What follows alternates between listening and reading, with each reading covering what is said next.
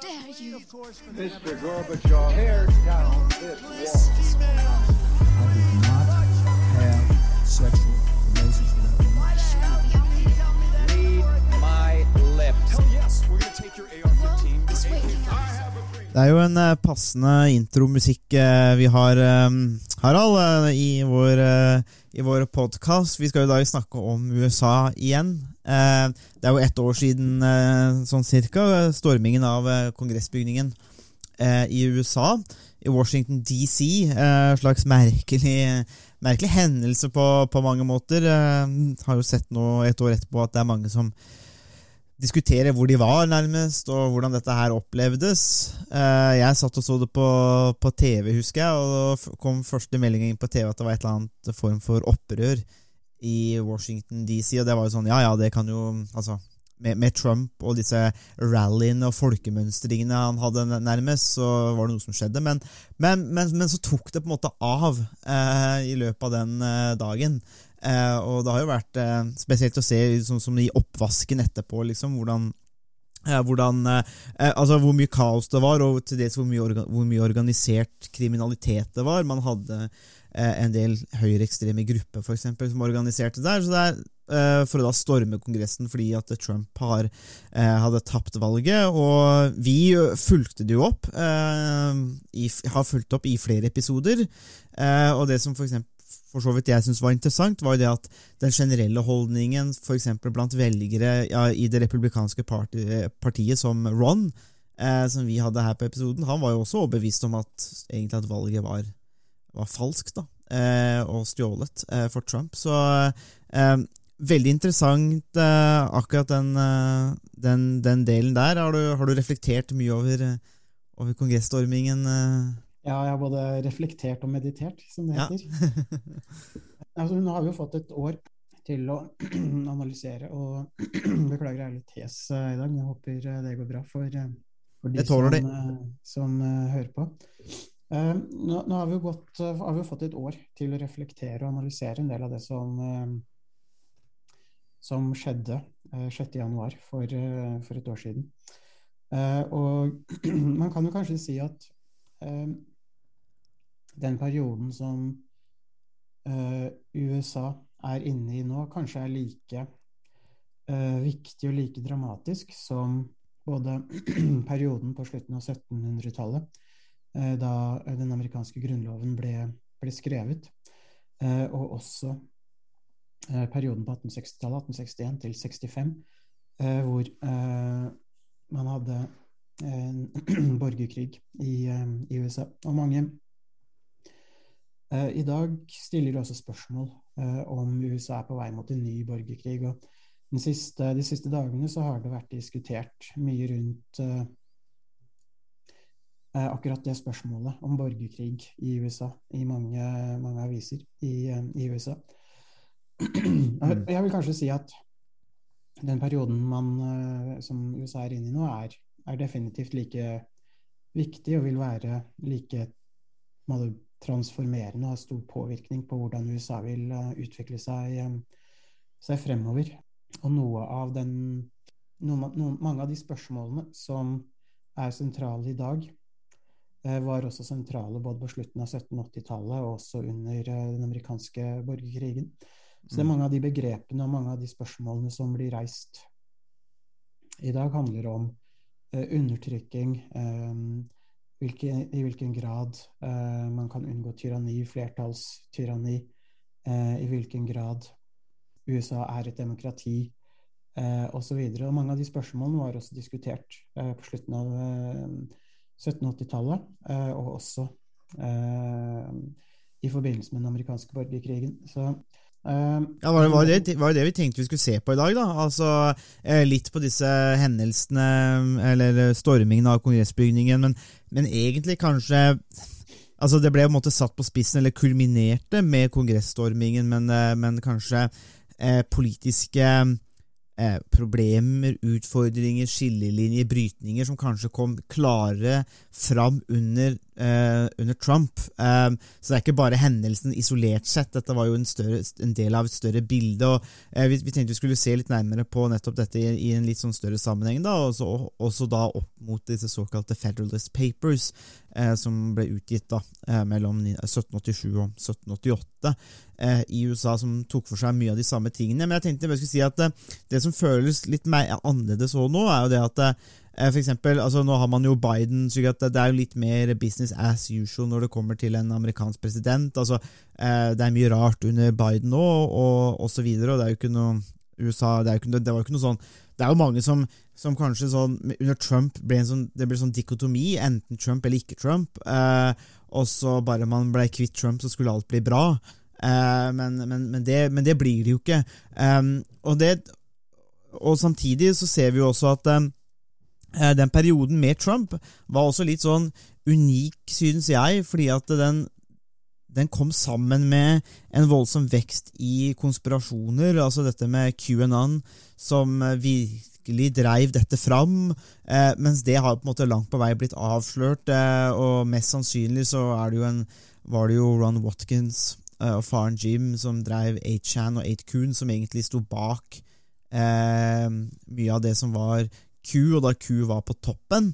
Eh, og det tok på en måte litt vind ut av seilene. og så selv om man er av en sånn konspirasjonsnatur, så blir det jo litt problematisk når man hele tida venter på neste dato, neste dato, neste dato, neste dato, så skjer det ikke noe.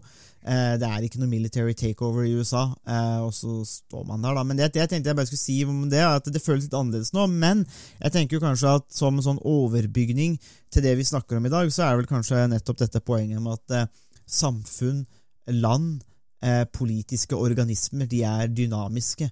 De er ikke, det, er ikke statiske, det er ikke statiske um, enheter, dette her. Her snakker vi rett og slett om veldig dynamiske organismer. da. Ja, helt riktig. Og det, det er et veldig godt poeng. fordi ofte så kan man tenke at hvis øh, øh, man kanskje designer en, en, grunnlov eller et system, øh, så vil det fungere og gå av seg selv. Og man vil kanskje kunne bare liksom, Bare man får de rette institusjonene, de rette lovene, de, lette, de, de, de rette paragrafene i Grunnloven, så vil, eh, vil det her styre, styre, seg av seg selv. Men det man ser i virkeligheten, og eh, det ser man jo med ethvert eh, samfunn, det er at, eh, som du var inne på, eh, så er samfunnet og demokratier og også veldig dynamiske i den forstand at de, eh, de, endrer seg ofte raskt. Eh, og um, innholdet i mange av paragrafene og forståelsen av Grunnloven og andre viktige dokumenter ofte får en litt annen forståelse over, mm. over tid.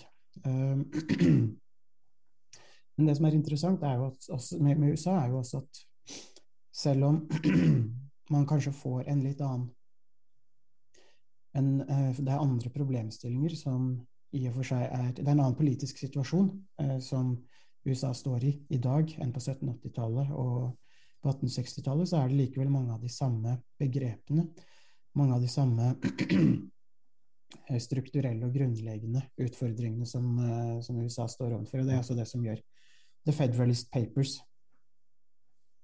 til et mm. interessant uh, startsted for å analysere um, for å analysere USAs situasjon i dag. Mm. Og mange i dagens debatt også refererer til The Federalist Papers og til grunnlovs uh, arbeid med Grunnloven på 1780, uh, slutten av 1780 Det er jo også noe som er veldig Jeg har lyst til å si ganske sånn amerikansk og kanskje litt unikt òg. Det derre den, den derre søken tilbake, eller hele tida referering tilbake til særlig i Grunnloven, men, men dette fra, fra det, det, man no, Ofte så sier man jo kanskje The Founding Fathers, men eh, jeg har i, hørt, hørt, en del på og vært en, en del eh, og lest en del eh, libertariansk litteratur i USA, og de snakker da heller gjerne om the framing, eller framers. Eh, som, eh, som, dette, men, men, men, de går stadig vekk tilbake dit, og dette er en slags eh, en, kanskje en form for Og vi så det under Trump òg, nettopp dette og, og, særlig fra republikanerne, dette med å, retten til å bære våpen, og hvor viktig det er. og man skal ikke tulle, Det er liksom sånn at det tuller man med i Grunnloven, så da, da, da, da slutter USA opp å eksistere, eller folk blir borte, eller altså gudene vet hva. Eh, men det er en slags, eh, en slags, holdning der som vi kanskje ikke finner i så veldig mange andre land. Vi finner ikke den der, Jeg tror ikke Grunnloven i Norge står like sterkt i folks bevissthet som Grunnloven gjør i USA. da. Nei, og Grunnloven i USA er et slags hellig dokument. Mm. Og Det er jo kanskje et problem òg? Uh, ja, fordi noen argumenterer for at man må forstå Grunnloven helt bokstavelig. Litt som noen ønsker å forstå religiøse tekster helt bokstavelig. Uh, at man skal liksom gå tilbake til den originale, opprinnelige meningen som grunnlovsfedrene mm. uh, hadde. Og det er jo ganske vanskelig mer enn 200 år senere. Mens andre mener at man skal ha en mer sånn pragmatisk tilnærming og tolkning av Grunnloven. Mm. Og Det er også noen av de diskusjonene som USA, USA står overfor. Men jeg tenkte vi kan gå til uh, selve uh, The Federalist Papers. Uh, si litt om hva, det, hva, de er. Mm. også noe av innholdet som er relevant for å forstå dagens situasjon. Så um, Man hadde en, um, en grunnlovssamling um, i Philadelphia uh, i, uh, i 1786. Um, og i Beklager, nå jeg på å miste stemmen her, merker jeg. Mm. Satser på at det holder. Så hadde man en grunnlovssamling hvor man ville skrive, forsøke å finne en Man egentlig skulle oppdatere de, den slags um, første for, forsøket på en slags grunnlov som man um, skrev i 1880, 1781, som var det første måte, dokumentet for de uavhengige uh, statene uh, etter uh, den amerikanske revolusjonen. Fra, som foregikk fra 1776 til 1783. som førte til at USA ble, ble uavhengig fra Storbritannia. Så etter hvert, utover på 1780-tallet, eh, så tenkte man at man måtte oppdatere den, måte, de artiklene, paragrafene, dokumentet som er grunnlaget for, for sammenslutningen av de uavhengige statene. Um, og man begynte det arbeidet i 1786, og så fant man ut ganske raskt at uh, det beste var egentlig å begynne på nytt uh, med en egen grunnlov. Og så fikk man da et, et forslag som var klart i 1787. og det var et forslag til det som man kalte en føderalstat, hvor de uavhengige statene avga deler av sin myndighet og suverenitet Eh, til en eh, overordnet stat, en såkalt føderal eh, stat. Og um, man, hadde en, en, lang diskusjon for og imot en føderalstat. Uh, og uh, det var veldig stor uenighet blant, uh, blant deltakerne på grunnlovssamlingen om man skulle ha en føderalstat eller ikke. og det er nettopp det The Federalist Papers handler om. I mm. en periode på seks-syv måneder, fra 1787 eh, til 1788, så hadde man en ganske intens debatt mellom de såkalte federalists og de såkalte uh, anti-federalists, uh, som var en lang rekke um, det man kan kanskje kalle avisinnlegg som ble publisert over en lengre periode. Um, de som var på de, de som argumenterte for en føderalstat, var John Jay, Alexander Hamilton, uh, James Madison. Um, som også var tre av de uh, såkalte grunnlovsfedrene.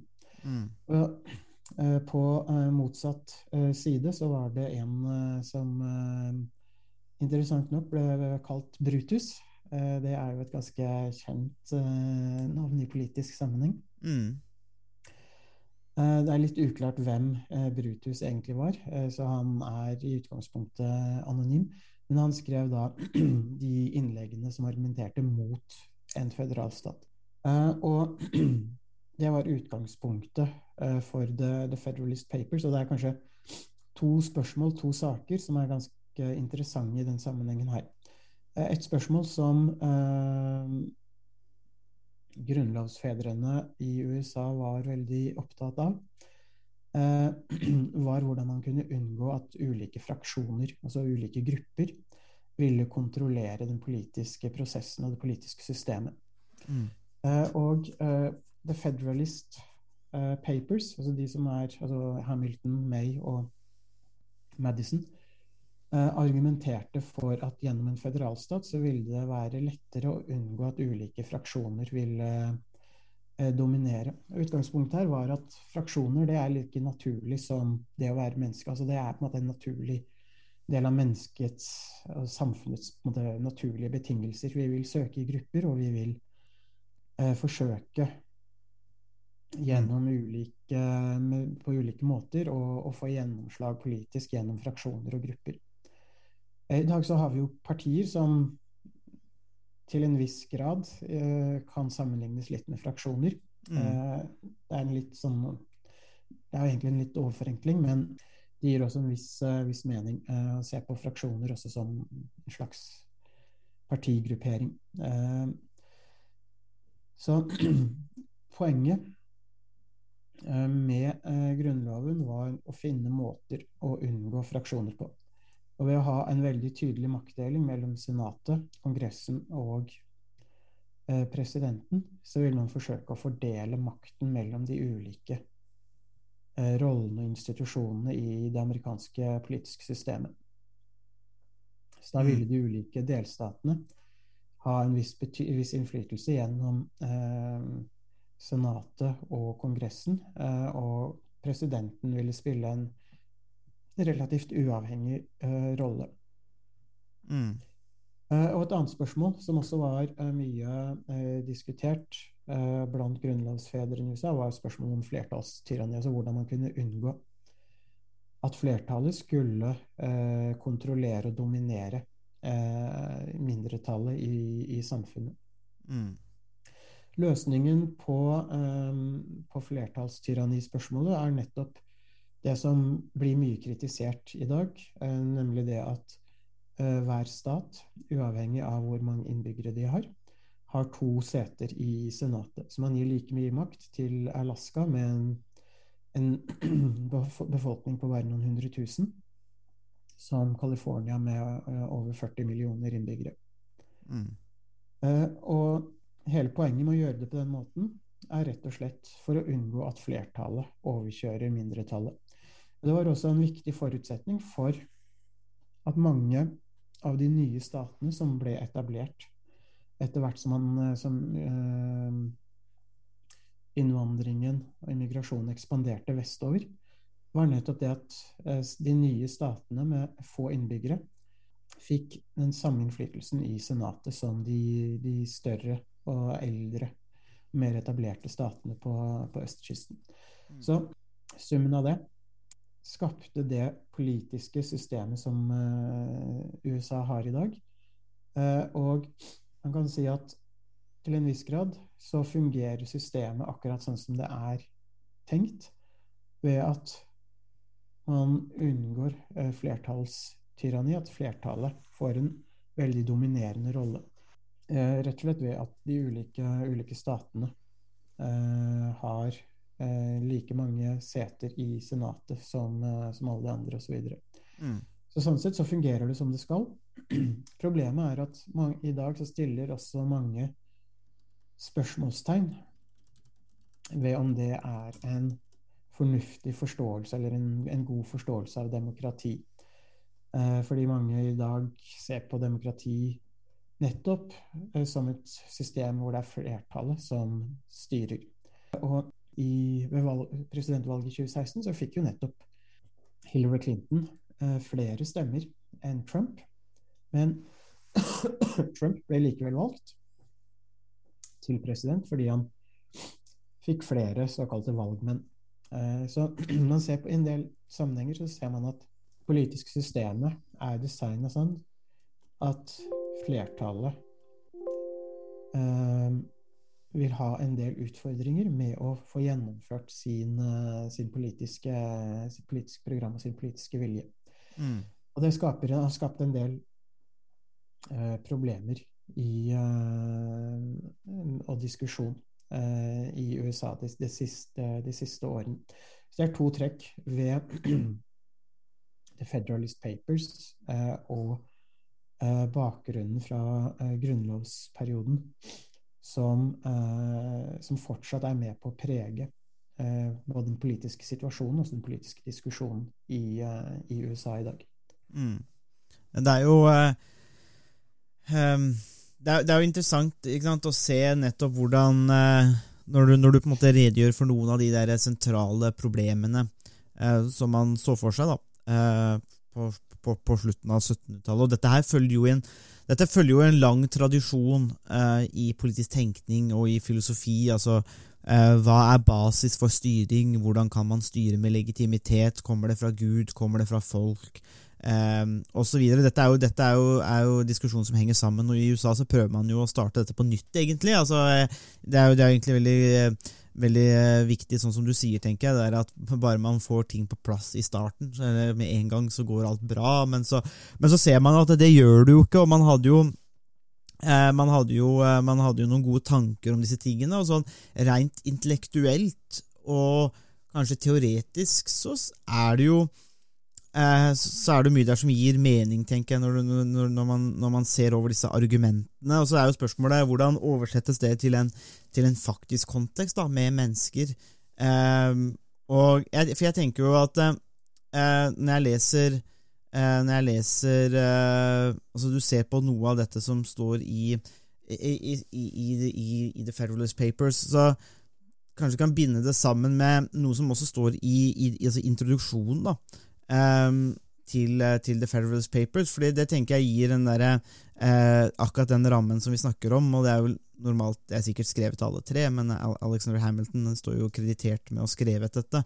Um, selv, om, selv om, jeg, har, jeg, jeg legger merke til når jeg leser litt om The Federalist Papers, at de er litt uenige om hvem som har skrevet eh, noen av essayene, og at eh, de har, eh, unntatt, med unntak av John Jay, tatt eh, litt kreditt eh, for essay som eh, de gjerne vil at de, de skal ha. Men det som jeg tenker, er at uh, i, helt i, i, starten av introduksjonen så, så, så, så, setter de på en måte rammene for diskusjonen, og det er, det er spørsmålet hvorvidt samfunn, da, uh, bygd opp av mennesker, er i stand til å etablere uh, et godt styre fra enten fra, basert på refleksjon og valg, eller om de på en måte er dømt til å avhenge av eh, tilfeldigheter og det vi kan, kan, kanskje kan kalle makt, eller andre krefter.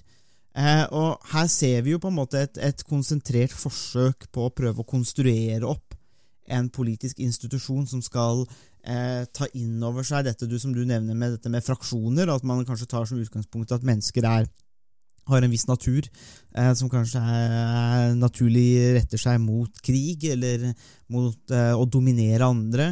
Eh, og Dette gir seg jo da uttrykk kanskje i, i, i, tyranni, da, altså flertallets tyranni. Dette var jo også John Stuart Mill og andre liberalere opptatt av. Hvordan kan man begrense flertallstyranniet?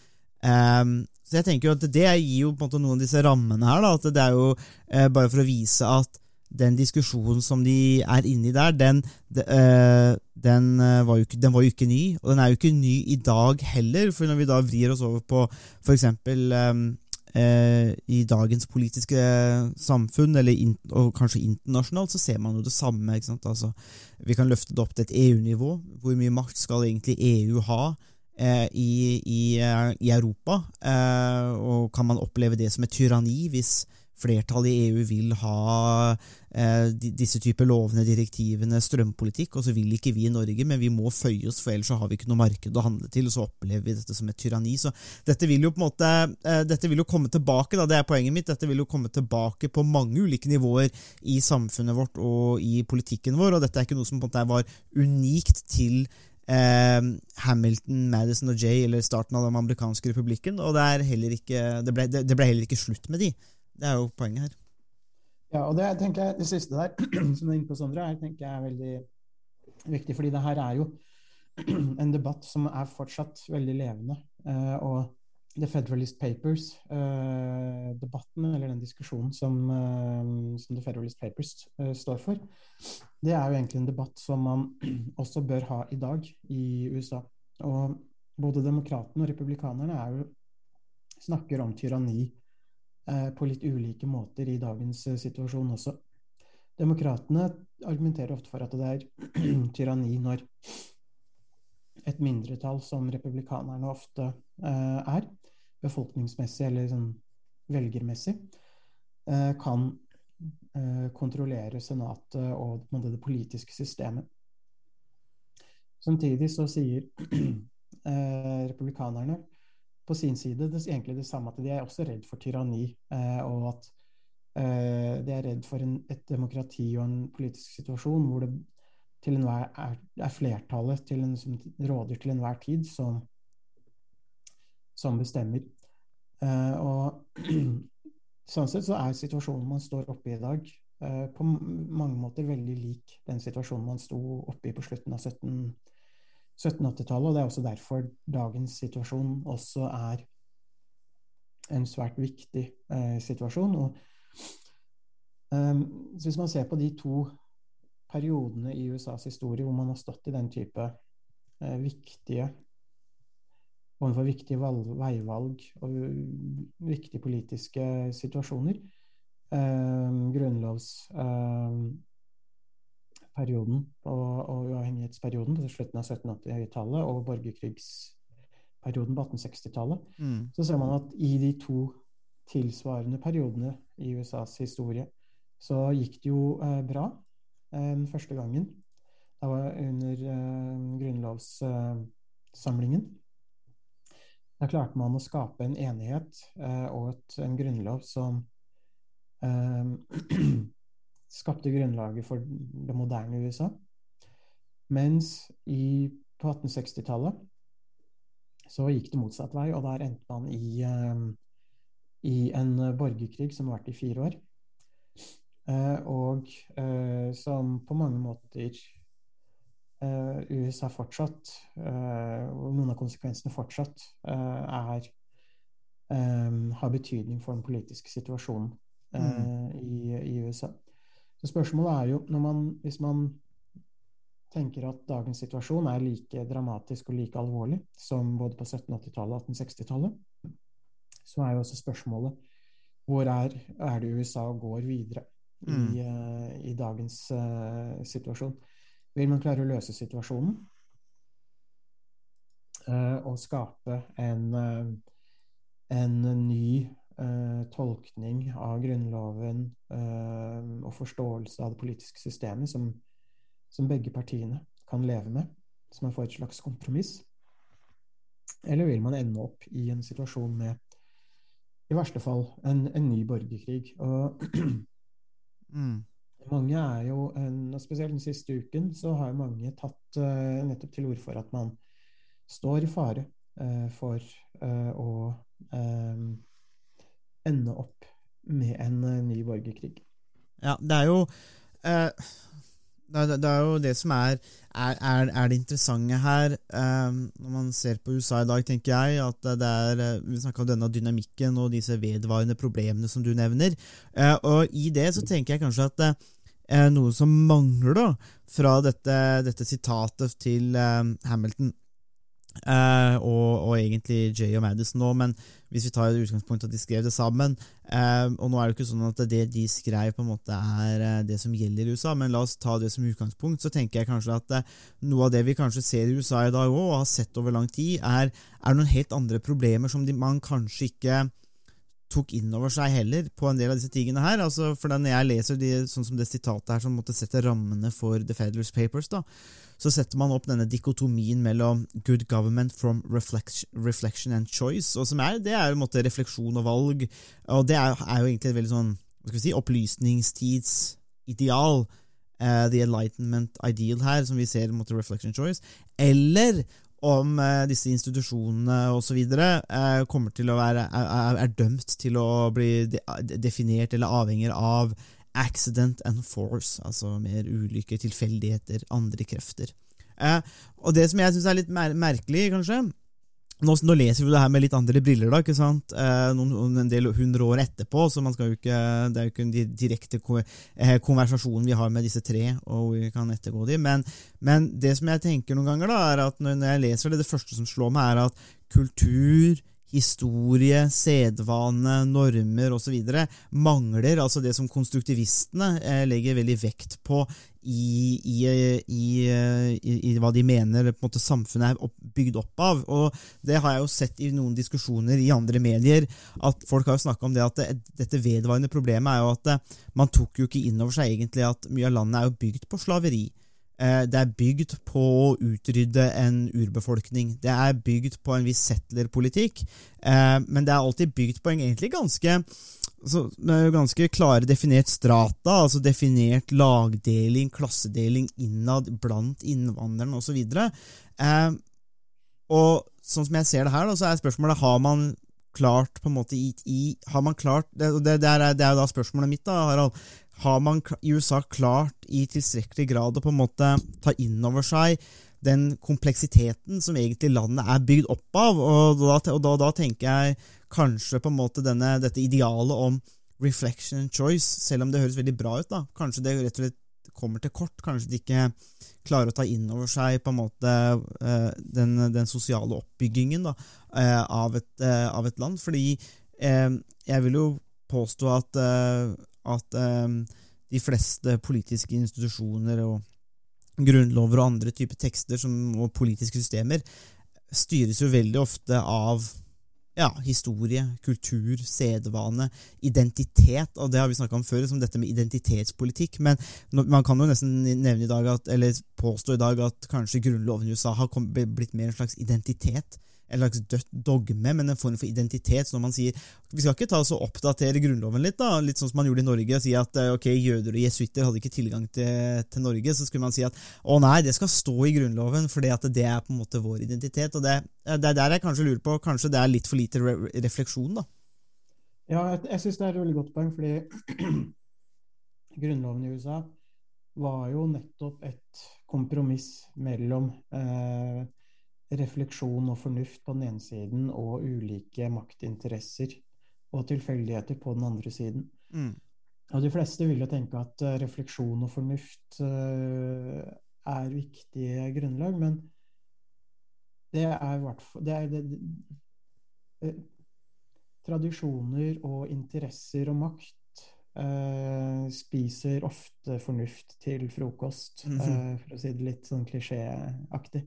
Mm. Jeg syns det var bra, jeg, Harald. Ja, men det får være, får være, godt nok til å være på begynnelsen av året. Ja. Men i hvert fall så, så, så, er det ofte sånn at interesser vil jo ofte trumfe fornuft og refleksjon og upartiskhet i en del sammenhenger. Uh, og det er jo noe av problemet. Og problemet med USA og borgerkrigs uh, perioden på 1860-tallet, var jo at der var det vanskelig å inngå kompromiss. Mm. Eh, slaveri er jo enten-eller.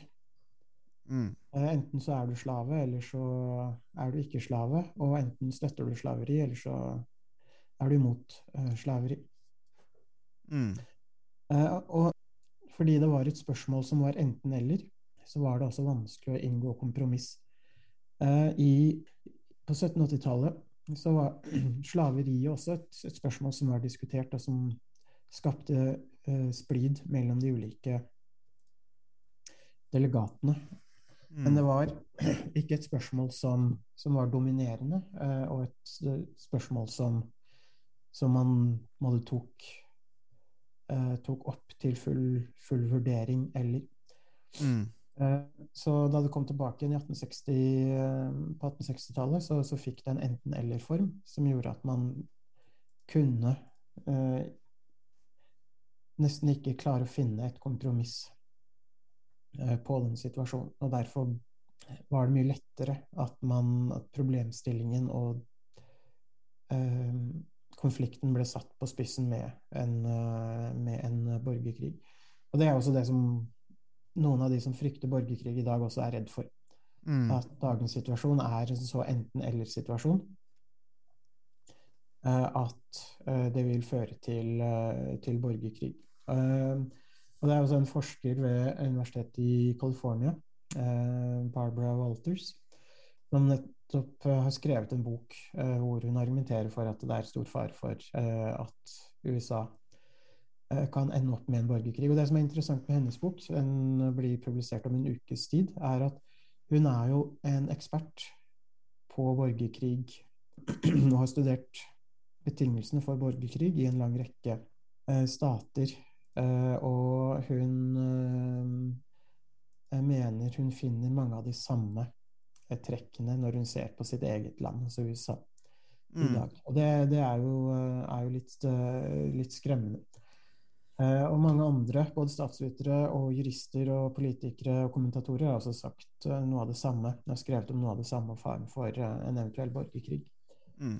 Ja, det er, det er der, og det, det er liksom Det er ganske dramatisk når det er de sammenligningene, eller dit vi trekker det, at eh, ok, dette har på en måte grunnlag, eller dette har de samme betingelsene for en borgerkrig, og det, det bør jo på en måte sette ting her litt i, eh, i perspektiv, at eh, det er på en måte dit vi kommer, og det jeg tenker er kanskje vanskeligere nå å, å se, er det at eh, det, og det skal Trump ha, det er at han, eh, han eh, satte disse, disse tingene egentlig på spissen, og kanskje gjorde det egentlig veldig tydelig. Eh, nettopp disse tingene. Med, med Biden så vil jeg nok kanskje si at eh, du har fått et, et mer velfungerende en mer velfungerende administrasjon på alle mulige måter. Det er jo ikke krangling med, med, med, med, er journalister eh, hver dag, og det er jo ikke disse Twitter-tiradene og denne mer sånn useriøse, lemfeldige eh, styringen av et land. Men eh, det betyr jo ikke at strukturene er fiksa. Det betyr jo ikke at de underliggende årsakene er fiksa. og Det er jo lite som tyder på at Biden egentlig har klart det. altså Nå, nå, nå, må vi bare advare oss og si at det er jo ikke opp til én person, én mann, å skulle fikse et helt land eller en føderasjon. Det ville vært umulig. og Hvis Biden eller andre skulle tro det, så blir det en slags ja, ja, da, da, griper man jo en slags form for eh, autoritær eh, ideal, eh, en, en, fetisj nærmest, eh, og det, det, vet vi ikke fungerer. Men det kan jo virke som at Biden og hans administrasjon uansett ikke de ser jo ikke ut til å ha klart å på en måte begynne å bygge disse bruene da, som de vel sa de skulle gjøre, og som de var avhengig av. Og så er det mange ting som styrer, styrer dette, sjølsagt. Men, men, det er jo klart, her er det en jobb å gjøre. Og, og igjen da, så er vi tilbake til dette åpningsspørsmålet på en måte fra The Federalist. da, altså Skaper vi våre institusjoner? Og kanskje ikke bare skape, men jeg tenker beholde. Altså, klarer vi å beholde våre institusjoner? Eh, hvis det er ønskelig. Det er Noen institusjoner vil man jo ikke ha, selvsagt, sånn som eh, man kan argumentere for at slaveriet var. Men la oss si, klarer man å skape, men også å beholde disse institusjonene? Eh, enten da med refleksjon og valg og vitenskap og kunnskap, eller de, er de dømt til å bli påvirka av helt andre krefter? Eh, og det, det, kan jo se ut at, at, det er kanskje andre krefter da, som spiller en mye viktigere rolle her. Ja, absolutt. Uh, og det som er interessant med den amerikanske grunnloven, er jo at den kan ikke endres. Den kan bare komme med tillegg. Ja. Uh, og det gjør jo også situasjonen litt mer komplisert hvis man ønsker å, å gjøre mer grunnleggende endringer i, i Grunnloven. Og det, man kommer litt tilbake til hvordan man kan løse dagens situasjon også. på 1780-tallet så klarte man å, å løse det gjennom ulike grunnlovssamlinger og diskusjoner. Og der var jo også stemningen ganske uh, ganske um, spent til tider. Og det var mye sinne og mange som reiste fra grunnlovs... eller fra møtene, og som heller ikke ville møte i det hele tatt. Rhode Island sendte f.eks. ingen representanter.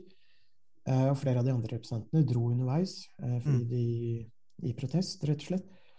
Så det var også en ganske oppheta uh, situasjon.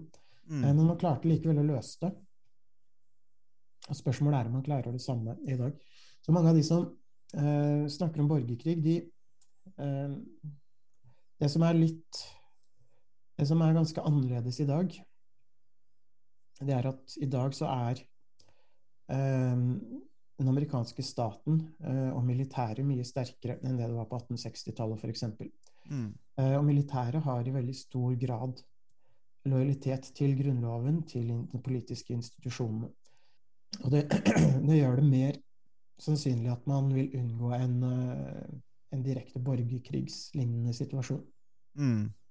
I tillegg så, så har man ikke en, en veldig tydelig Det er ikke tydelige etniske, geografiske, religiøse skiller de ulike gruppene i, uh, i USA. Det er politiske, viktige politiske skiller. Mm. Uh, men du finner, du finner altså i de republikanske statene, uh, hvor det er et republikansk flertall, så finner du også samtidig mange byer og områder med et demokratisk flertall, og vice versa. Mm. Så det er ikke en veldig tydelig oppdeling som ofte er grunnlaget for, for borgerkrig. Altså, Rwanda var jo delt mellom hutuer og tutsier. Tidligere Jugoslavia eh, delt i mange ulike etniske, religiøse grupper. Så i en sånn situasjon så er det mye lettere for en borgerkrig eh, å, å oppstå. Den situasjonen finner du ikke i, i USA på, på samme måte. Så det man finner i USA som er alvorlig, er den enten-eller Mm. eh, hvor det er lite rom for politisk eh, kompromiss. Så det man kanskje vil, vil se i USA, er at man får eh, mer politisk vold enn det vi har sett eh, de siste, Mm. siste eh, årene. Eh, Abraham Lincoln ble jo eh, utsatt for et attentat eh, og døde etter, etter attentatet. Eh, John F. Kennedy ble skutt. Eh, det samme ble broren hans, Robert Kennedy, som Mm. antagelig ville eller kunne blitt valgt til eh, president. Eh, Ronald Reagan ble også utsatt for et attentat etter at han ble valgt til president. Så politisk vold har spilt en stor rolle i amerikansk eh, politisk historie. I tillegg så har det vært mange eh, opptøyer, både raseopptøyer og andre opptøyer, helt fra andre halvdel av 1800-tallet og frem til, eh, til i fjor sommer, nærmest. Eh, Mm. Så eh, det kan hende man vil se mer politisk vold i tiden framover, og det som kanskje har vært et unntak de siste to-tre tiårene, er at det har vært relativt lite politisk vold. Mm. Eh, og at man nå egentlig eh, går mm, tilbake til det som på en måte har vært normalsituasjonen eh, i amerikansk politisk historie, eh, hvor det å være president nærmest har vært en eh, eh, Ikke akkurat en dødsdom, men i hvert fall en ganske, ganske farlig situasjon. Man kan også legge til at Alexander Hamilton, som er en av forfatterne Mm. av The Federalist Papers, eh, døde i 1804 i en duell med visepresidenten til Thomas Jefferson. Eh, Så um, det er jo litt andre Det var litt andre eh, betingelser. Det er litt, uh, litt andre betingelser. enn det vi er vant til i dag. Altså en duell mellom uh, Kamala Harris og Mike Pence, for eksempel. Altså, du veit jo at det men, men samtidig, hadde det vært noe som hadde vært mer amerikansk enn eh, en, eh, enn en duell, eh, TV-sendt duell eh, på Fox eh, og ISBN eh, for å avgjøre et, et problem eh, der, det er jo et eh, er jo et eh, Ja, tenker jeg er et eh, Jeg veit ikke om det er noe som er mer eh, amerikansk eh, enn eh, enn det. Så det var eh, Men det er jo, er jo, det er jo interessant eh, eh, hvordan USA går, og grunnen til at USA sikkert også er veldig interessant for oss, er jo det at eh, For det første så er det jo i utgangspunktet et veldig interessant politisk prosjekt. Eh, som man har Fordi man på mange måter starta på nytt. altså Man gjorde ikke man gjorde ikke det heller. altså Det blir jo feil å si det, for de hadde jo utdanningen sin fra et sted, historie, tradisjon, et språk osv. Men på mange måter så starter man på nytt, og så kan man se hvordan disse tankene spiller seg ut, og, og hvordan de påvirker, eh, påvirker tida, tida framover. Og det er jo et eh, det er i hvert fall ikke et prosjekt som er ferdig. eh, på, på noen som helst måte i USA.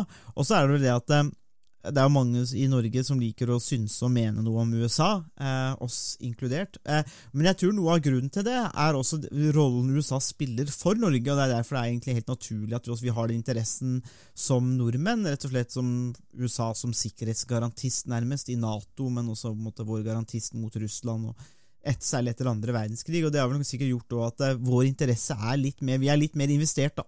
Vi har litt, vi har litt mer investert i USAs eh, politikk, rett og slett fordi det betyr ganske mye for vår egen hvordan USA opptrer, og dermed så var jo på en måte Trump en, en mye større eh, eh usikkerhetsfaktor for oss enn tidligere tider, da. Så det er jo, er jo et, er greiene der. Men eh, jeg også synes det var veldig interessant, helt avslutningsvis, det du nevner, Harald, om at kanskje de siste tiårene egentlig har vært unntaket eh, i USAs historie. For det, eh, det er jo helt riktig når, du, når jeg tenker over det, når du nevner det, så er det jo ingen tvil om at eh, politisk vold har jo egentlig vært en ganske sentral del av den amerikanske politiske historien. altså som du sier, og Det gir jo mening når man da plutselig ser amerikanske presidenter som må ha en sånn enorm motor, sånn der bilkonvoi, og de må stenge eh, halve gater og halve byer bare en president kommer inn. og Det, det gjør, vi, gjør vi jo ikke når Jonas Eh, hvis Jonas kommer til Halden, så er det jo ikke snikskyttere på taket og 100 eh, biler og stenge halve Halden for å ta imot Jonas. Eh, han hadde sikkert vært happy om halve Halden møtte opp. Eh, men, men, eh, men, det er liksom ikke de, de samme forholdene, da, og det tenker jeg er, litt, eh, er, litt, er ganske sånn sentralt. Og kanskje noe som vi bør ha i bakhodet når vi tenker på stormingen av Kongressen og sånn videre. at det faktisk i et historisk perspektiv altså nå var jo Stormingen av Kongressen var jo i et historisk perspektiv helt eksepsjonelt og uvanlig. Men likevel, eh, ulike former for politisk vold, det bør vi kanskje ikke være så overraska over, egentlig, i USA. For det er Det har alltid på en måte vært en del av systemet der, da, eh, og tradisjonen. Så det er interessant. Noen siste eh, bevingede ord om, eh, om situasjonen? Jeg tror du oppsummerte det ganske godt. Det er Det er jo veldig interessant, eh, både USAs rolle i forhold til Norge, som du var inne på. Eh, jeg kan jo altså legge til at Norges grunnlovssamling var jo, eh, foregikk jo litt på samme måte som USA sin grunnlovssamling med delegater som ble sendt ut. Hvor man skrev en, et, et, et, utkast til en, en grunnlov. Nå ble ikke Norge helt uavhengig i, i 1814. Men, men, det er også noen av de samme ideene, noen av de samme måtene å, å, å skape eh, Forsøke å skape en ny eh, nasjon. Mm. Som det man også så i, uh, i USA, hvor det er noen, uh, noen likheter. Det var det vi hadde å by på i denne ukas episode av Statsvitenskap og sånt. Musikken er komponert av Robin Horvath, og Thomas Focolato står for miksing og redigering. Du finner oss på Facebook, bare søk på statsvitenskap og sånt. Der kan dere komme i kontakt med oss hvis dere har spørsmål eller kommentarer. Der finner du også aktuelle artikler, videoer med mer. Vi setter pris på om dere liker sida, og deler den med andre som dere tenker vil ha glede av å høre på podkasten. Vi change is coming whether you like it or not.